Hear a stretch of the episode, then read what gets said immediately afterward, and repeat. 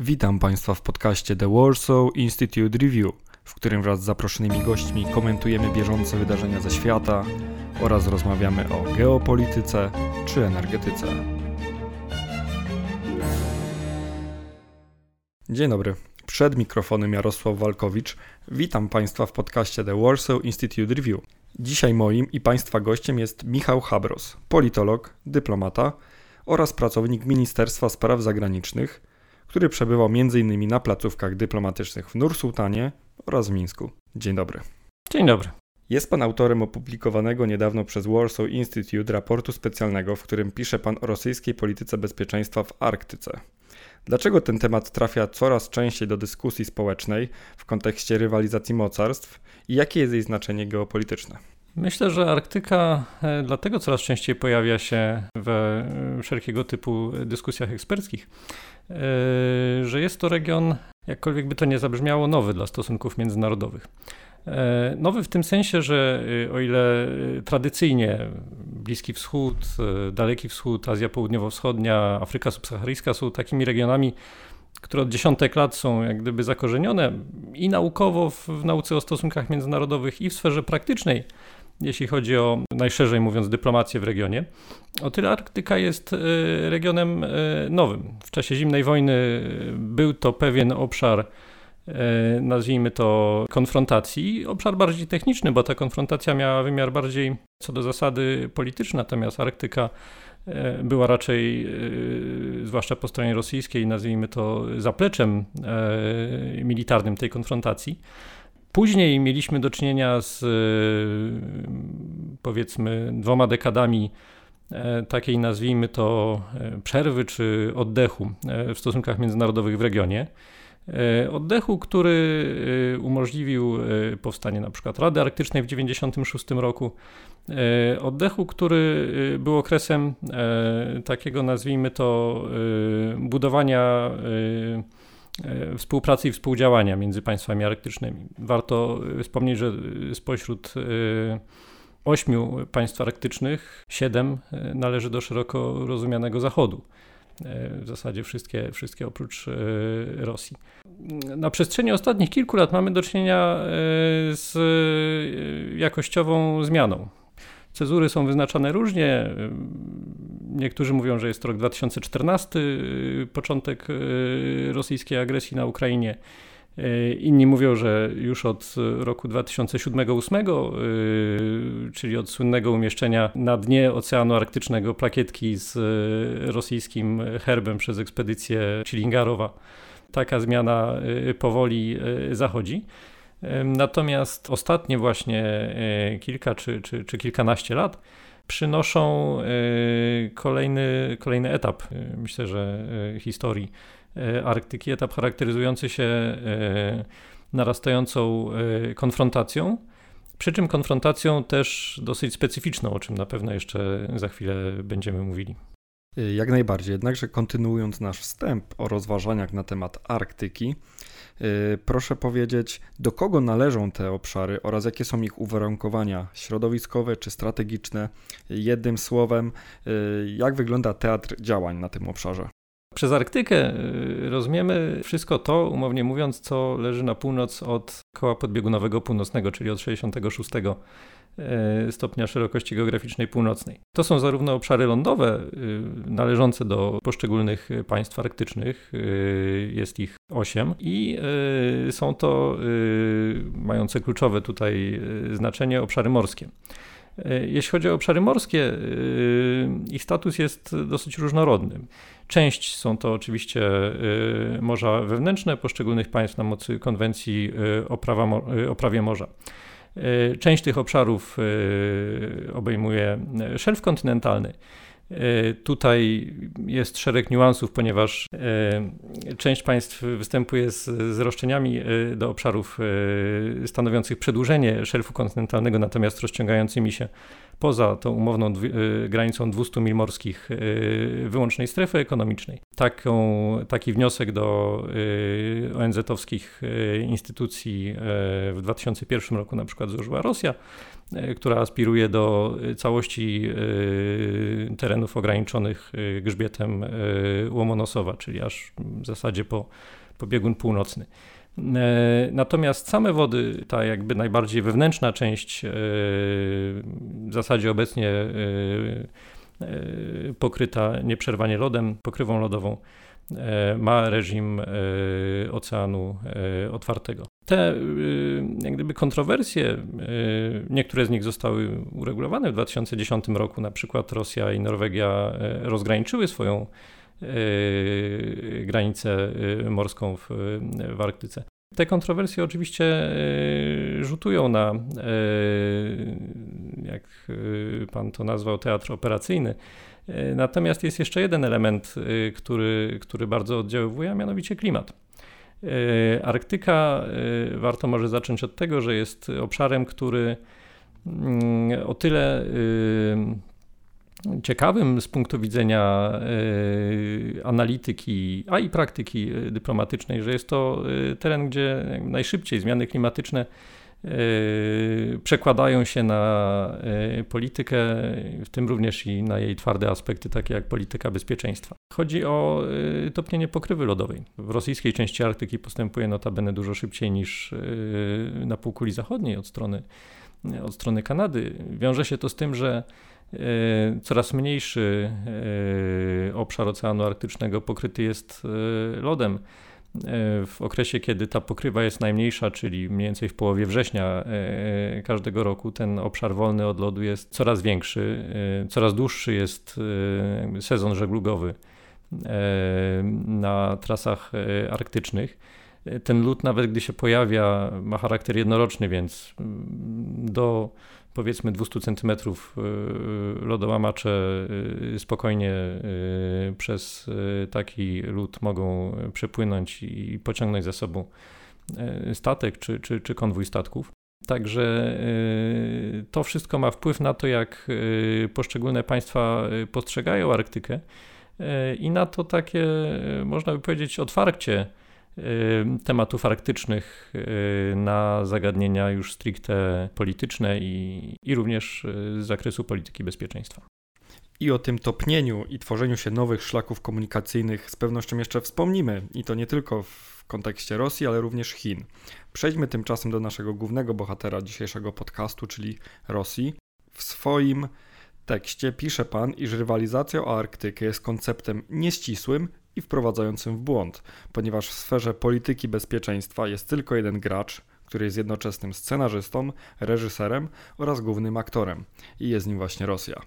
Dlaczego tak jest? Z czego wynika to priorytetowe znaczenie Arktyki dla Rosji i jaka jest tego geneza? Tak, stawiam taką tezę, może nieco prowokacyjną, ale też taka jest, e, taka była idea tego e, raportu, aby pokazać, e, jak ta problematyka arktyczna, y, jak różny ma status y, w różnych państwach, nie tylko w skali globalnej, ale nawet i w państwach zaliczanych do grona państw arktycznych.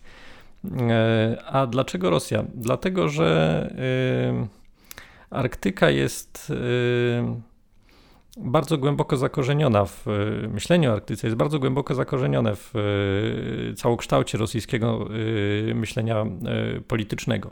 Tu y, jest szereg bardzo ciekawych elementów y, i to jest temat na y, oddzielną rozmowę. Kluczowe jest jak gdyby postrzeganie przestrzeni w, w rosyjskiej myśli politycznej. Na to zwracali uwagę klasycy, o tym pisze chociażby w pierwszych rozdziałach swojej Rosji carów Richard Pipes. To jest rzecz dosyć dobrze zbadana i opisana, a mianowicie takie bardzo przestrzenne postrzeganie polityki widzimy jak gdyby inny nieco y, obraz y, tych obszarów, gdzie jasno wyznaczone są granice, chociażby w dyskursie politycznym, granica Rosja-NATO, wokół której wiele się dzieje, granice Rosji chociażby z Chinami, czy, czy generalnie granice lądowe. Natomiast Arktyka jest obszarem otwartym, to znaczy po drugiej stronie jak już wspomniałem, mamy obszary stopniowo zmieniającym się statusie, aż przez Morze Otwarte dochodzimy do północnego e, wybrzeża e, Kanady, tak patrząc z perspektywy jakby z ponad bieguna północnego. To myślenie takie właśnie w kategoriach przestrzennych i, i nakładanie polityki na, na przestrzeń jest do dzisiaj w Rosji cały czas mocno obecne i ono, y, te tematy arktyczne bardzo mocno wpływa. I to jest jedna rzecz. Druga rzecz y, to jest y, myślenie imperialne. Arktyka zawsze dla Rosji była takim miejscem, które stanowiło o jej, o jej wielkości, nazwijmy to. Za czasów Związku Radzieckiego tam właśnie y, to było właśnie zaplecze, które umożliwiało y, rywalizację zimnowojenną ze Stanami Zjednoczonymi. Wcześniej, jeszcze w latach 20. Y, czy 30., eksploracja Arktyki też była niezwykle nośnym tematem sowieckiej propagandy. A i gdybyśmy głębiej e, w, w historię e, się nieco zagłębili, to, to, to, zobaczylibyśmy, że e, w ogóle tematy z jednej strony związane z, z daleką północą, z drugiej związane z kwestiami morskimi mają taki bardzo mocny w Rosji podtekst imperialny, by przypomnieć marynarkę wojenną jako dziecko Piotra I. Te tematy zawsze no, stanowią taką dobrą glebę, by Y, rosyjskie elity mogły wracać do y, myślenia o Rosji jako o y, graczu globalnym, tym bardziej obecnie w, w tak zmieniającym się świecie. Pisze pan również o rozbudowie rosyjskiej architektury wojskowej. Jak się rozwija ta kwestia? To jest o tyle ciekawe, że z jednej strony mamy bardzo szerokie projekty, plany i zamierzenia.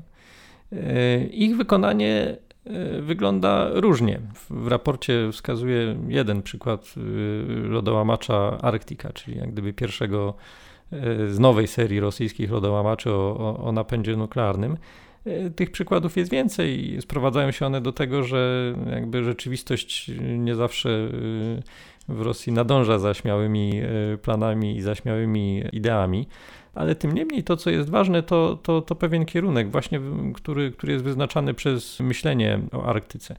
E, kierunek na stworzenie z Arktyki na powrót obszaru, z którego można byłoby projektować siłę poza region, a mówiąc wprost na e, zachodnią półkulę. Świadczy o tym chociażby e, położenie tych obiektów wojskowych, które bądź to są w budowie, bądź niektóre z nich są już ukończone, które rozciągają się takim łukiem od archipelagu Nowej Ziemi przez wyspy Franciszka Józefa, wyspy nowosyberyjskie, aż po wyspę Wrangla na niedaleko cieśniny Beringa, które y, przy odpowiednich oczywiście nakładach finansowych i przy budowie odpowiedniej infrastruktury umożliwiającej na przykład całoroczne stacjonowanie bombowców strategicznych Tu-160 mogą y, no, istotnie wpływać na zdolności operacyjne Rosji i yy, poszerzać je w, w, taki sposób, aby na przykład z tych najbardziej na północ wysuniętych baz można było dolecieć na przykład do północnej Grenlandii, czy też mówiąc nawet bardziej wprost do amerykańskich e, instalacji w bazie w,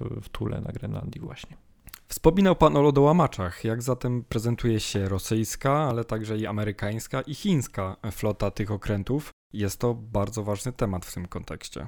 Tak, e, zdecydowanie wątek bardzo ważny, dlatego że lodołamacze e, są tymi statkami, które nie tylko umożliwiają jakby żeglugę, y, nazwijmy to cywilną, ale umożliwiają właśnie zaopatrzenie baz wojskowych.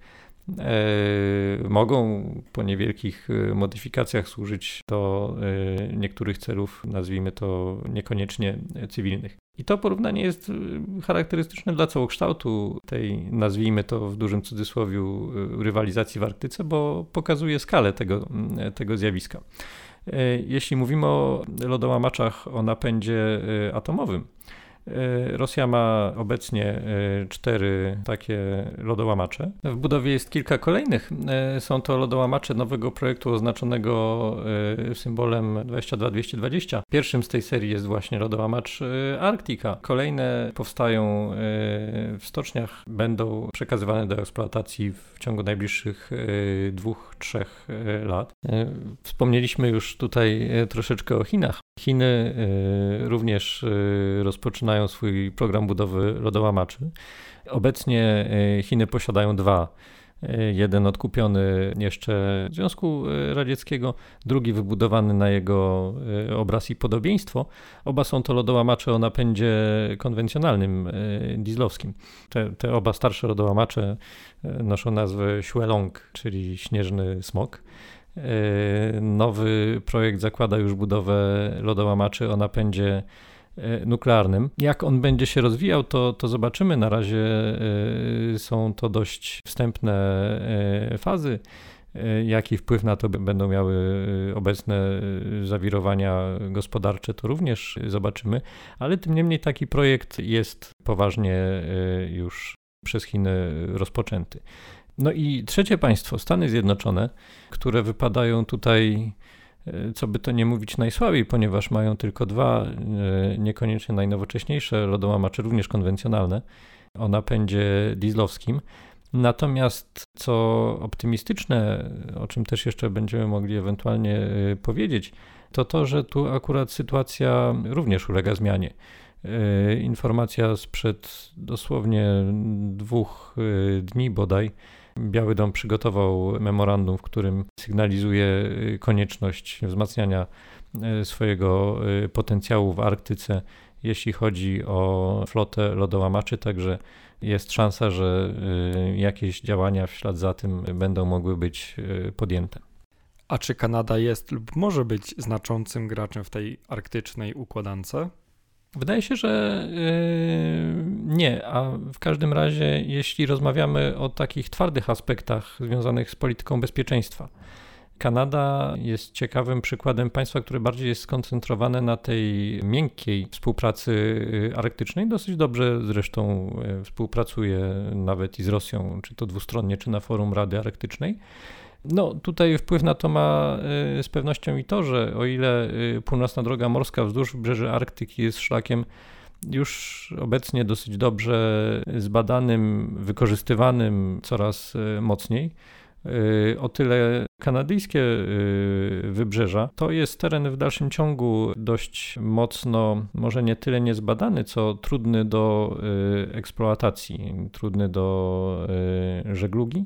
A i to, o czym wspomniałem, to znaczy e, jakby nierównomierne ocieplanie się klimatu powoduje, że w dużo większym stopniu jednak niż północna droga morska, e, tak zwane przejście północno-zachodnie z Oceanu Spokojnego na Atlantyk wzdłuż właśnie północnych brzeży Kanady i następnie między Kanadą a Grenlandią, e, jest dalece bardziej oddaloną, nazwijmy to, perspektywą.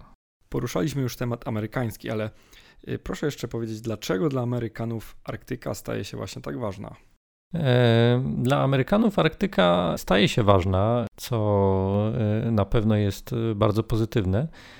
Myślę, że dlatego, że Waszyngton zdaje sobie sprawę, że to jest region, który ma w sobie duży potencjał pozytywny, jeśli chodzi o wykorzystanie handlowe, to jednoznaczne, ale ma w sobie też i duży potencjał do zagrożeń, które z tamtego regionu mogą dla Stanów Zjednoczonych nadchodzić. Widać pewne kroki ze strony e, Waszyngtonu, widać pewne zwrócenie uwagi na, e, na Arktykę. To, o czym mówiłem przed chwilą, w ubiegłym roku, w zasadzie pierwszy raz od, od bardzo długiego czasu, druga flota amerykańska zapuściła się daleko na północ za koło podbiegunowe. Widać, że jest pewne zrozumienie tego, że działania Rosji wymagają jakiegoś uświadomienia sobie, to po pierwsze, i, i jakiejś reakcji to po drugie, tutaj warto wspomnieć, że jeden z czołowych waszyngtońskich think tanków, Center for Strategic and International Studies, gdzie miałem w, w, zeszłym roku przyjemność przez pewien czas przebywać, opublikował niedawno serię raportów na tematy arktyczne. Nawet z prognozą bardzo daleką do 2050 roku, wskazujących jak gdyby rzeczywistość, a nie abstrakcyjność wyzwań i zagrożeń, e, jeśli chodzi o Arktykę, stawiając nawet taki termin e, The Ice Curtain, która e, w pewien sposób budowana jest gdzieś mniej więcej w okolicy bieguna północnego przez działania podejmowane w, w Arktyce przez Rosję. Powiedzieliśmy już sobie o Stanach Zjednoczonych, więc przejdźmy teraz do Chin, których działalność jest coraz bardziej zauważalna w tym regionie. To jest przede wszystkim, wydaje się, uwarunkowane poprowadzeniem kolejnej odnogi nowego jedwabnego szlaku, już wspomnianą przez Pana y, drogą północną. Ale nie tylko. Chiny od 2013 roku są obserwatorem Rady Arktycznej, prowadzą badania naukowe oraz posiadają z Rosją umowę na wydobycie paliw kopalnych z rosyjskiej części Arktyki. Tak, to prawda. To jest y, szalenie ciekawy temat, który tak naprawdę składa się z kilku y, tematów mniejszych, z których każdy zasługiwałby pewnie na oddzielną rozmowę, ale, ale skupiając się na, na, na, na kilku rzeczach y, najważniejszych. Rzeczywiście Chiny w, w styczniu 2018 roku wypuściły Białą Księgę podkreślając e, jak gdyby swoje zainteresowanie Arktyką. Tak jak pan wspomniał, od 2013 roku są e, obserwatorem w Radzie Arktycznej. Ta Biała Księga jest dokumentem dosyć obszernym, takim bardzo nazwijmy konceptualno-deklaratywnym w którym wiele się mówi o Arktyce jako o wspólnym dziedzictwie ludzkości, o konieczności zapewnienia dostępu do e, zasobów Arktyki o konieczności prowadzenia przez państwa arktyczne inkluzywnej polityki, inkluzywnej w domyśle, która pozwalałaby na zaangażowanie również państw spoza tej y, arktycznej ósemki. To jest taka chińska narracja, aczkolwiek tu też jest jeden niuans taki, że dokumenty chińskie bardzo często trochę co innego, w dokumentach chińskich trochę co innego możemy wyczytać, jeśli są one w wersji angielskojęzycznej, nazwijmy to na użytek zewnętrzny, a trochę co innego, jeśli y, mamy instrumenty do tego, aby y, czytać je w oryginale i zdolności. Ja tu postawię kropkę, bo takich zdolności nie mam, natomiast zwraca na to uwagę na przykład e, profesor Ann Brady's, jedna z, z ważnych badaczek chińskiej polityki zagranicznej, między innymi w odniesieniu do Arktyki, która e, podkreśla, że w tych dokumentach właśnie pisanych w języku chińskim na użytek wewnętrzny jest mowa o strategii, jest mowa o rzeczach bardziej, nazwijmy to, twardych i wymiernych y, z naszego punktu widzenia. Druga rzecz, północna droga morska, o której Pan wspomniał. Koncepcja y, nie nowa, bo majacząca gdzieś na horyzoncie już od dziesiątek lat, ale w obecnych warunkach klimatycznych, y, żeglugowych, nabierająca pewnego znaczenia. Ta droga też, żebyśmy właściwie zrozumieli jej znaczenie, jak się wydaje, nie ma perspektyw na to, żeby zastąpić kanał Suezki, czy stać się rzeczywistą alternatywą morską pomiędzy Chinami a Europą. W porównaniu z konwencjonalną drogą wzdłuż Cieśniny Malakka i przez kanał Suezki, różnice w transporcie to jest rzędu 10 czy maksymalnie kilkunastu dni. Natomiast koszty wciąż jednak pozostają e, wysokie. Wyższe są na przykład koszty ubezpieczeń takich podróży przy obecnych niższych kosztach paliwa, no, jeśli odbiorcy towaru zależy na czasie, ma też do dyspozycji transport kolejowy, gdzie to jest 12 czy 14 dni między Chinami a, a Europą. Stąd też północna droga morska obecnie w zasadzie nie służy do transportu kontenerowego między Chinami a, a Europą. Maersk w 2017 roku taki testowy transport wykonał, uznał, że jest to jednak jeszcze na ten, na ten moment e, nieopłacalne. Jest to raczej szlak e, alternatywny, bardzo korzystny dla Chin, e, szlak e, importu surowców energetycznych, przede wszystkim LNG z projektów arktycznych, w których Chiny są zresztą udziałowcem. Więc mamy tu wiele elementów tej układanki, które do siebie pasują i, i, i które są związane z Chinami. Pytanie oczywiście zasadnicze i, i główne, jak relacje Chin będą układać się z Rosją tutaj. Czy Rosja, która już obecnie wydaje się tak powiedzmy sceptycznie patrzeć na, na ewentualne chińskie nowe aktywności w Arktyce, czy będzie dalej na to przymykać oko. No, jak się wydaje, będąc, mając bardzo ograniczone instrumenty do przeciwdziałania temu, e, zwłaszcza w obecnej sytuacji międzynarodowej, czy będzie starała się jako jakieś modus vivendi z Chinami tutaj e, wypracowywać jak te relacje w Arktyce będą się dalej układać, to jest na pewno to, co powinniśmy obserwować. Ale chciałem wspomnieć jeszcze e, o jeszcze jednym ciekawym aspekcie, a mianowicie o kolejnej e, odsłonie e, pasa i szlaku, a mianowicie o Digital Silk Road. Digital Silk Road, czyli tworzenie połączeń cyfrowych, nazwijmy to, między Chinami a Europą, Azją, Afryką, w zasadzie całym, całym tutaj yy, obszarem, który też ma swój aspekt arktyczny, ponieważ toczą się rozmowy na temat układania podmorskich kabli internetowych wzdłuż północnej drogi morskiej. Tam one są narażone na nieco mniejsze niż na trasie konwencjonalnej przez właśnie Morze Czerwone. Na nieco mniejsze zagrożenia, czy to natury jakiejś technogennej, czy sejsmicznej, czy chociażby działalności gospodarczej. Chiny bardzo by chciały tą drogą też do Europy docierać. Kompania Huawei Marine jest y, bardzo tutaj aktywna aktywnie prowadzi na przykład swoje działania w Finlandii, która miałaby być takim hubem tutaj przyjmującym tą odnogę Digital Silk Road, co umożliwiałoby jak gdyby postawienie się przez Finlandię w, w pozycji kraju mającego nowe źródło danych, które są paliwem gospodarki XXI wieku. To są bardzo ciekawe zagadnienia, słabo y, niestety dotychczas obecne w naszym dyskursie, a na pewno y, warte uwagi. Podmorskie kable internetowe czy to z uwagi na znaczenie gospodarcze, czy też z uwagi na znaczenie w sferze bezpieczeństwa, są takim elementem globalnej infrastruktury obecnie docenianym, który na pewno, którego rola na pewno w ciągu najbliższych lat i dekad będzie rosła. I tym nie do końca spodziewanym tematem kończymy dzisiejszy podcast The Warsaw Institute Review. Moim i Państwa gościem był pan Michał Habros, radca w Departamencie Strategii Polityki Zagranicznej MSZ. Dziękuję za rozmowę. Dziękuję bardzo. A na koniec chciałbym Państwa zaprosić do słuchania naszych innych podcastów. Jesteśmy obecni na Spotify, Google Podcast, Apple Podcast, Stitcher oraz na innych platformach streamingowych.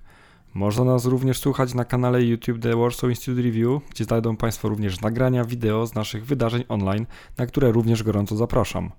Odbywają się one co tydzień o godzinie 20 w środy.